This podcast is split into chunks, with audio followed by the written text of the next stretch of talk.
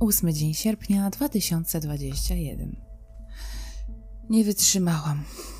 Uparłam się dzisiaj na normalne jedzenie. Zamówiłam i nie doszło. Fascynujący news. Może tak właśnie miało być?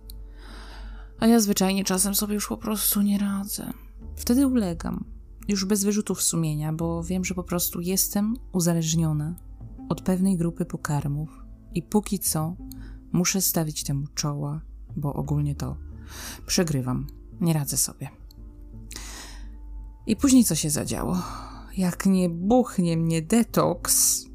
Boże, palpitacje serca, szybki puls, ból, mięśnie, stawy, kości, wszystko mnie wykręca, ciśnie. I jakiś płacz dziwny, skowyt, rozpacz, smutek z powodu drobnostki, głupotki.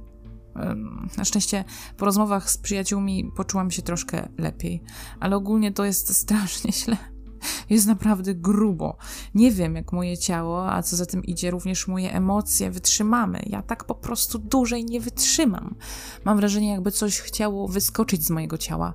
Nie umiem sobie znaleźć miejsca, chodzę po ścianach. Nie wiem po prostu, jak długo jeszcze to wytrzymam i czy w ogóle, i po prostu nie wiem, jak sobie pomóc.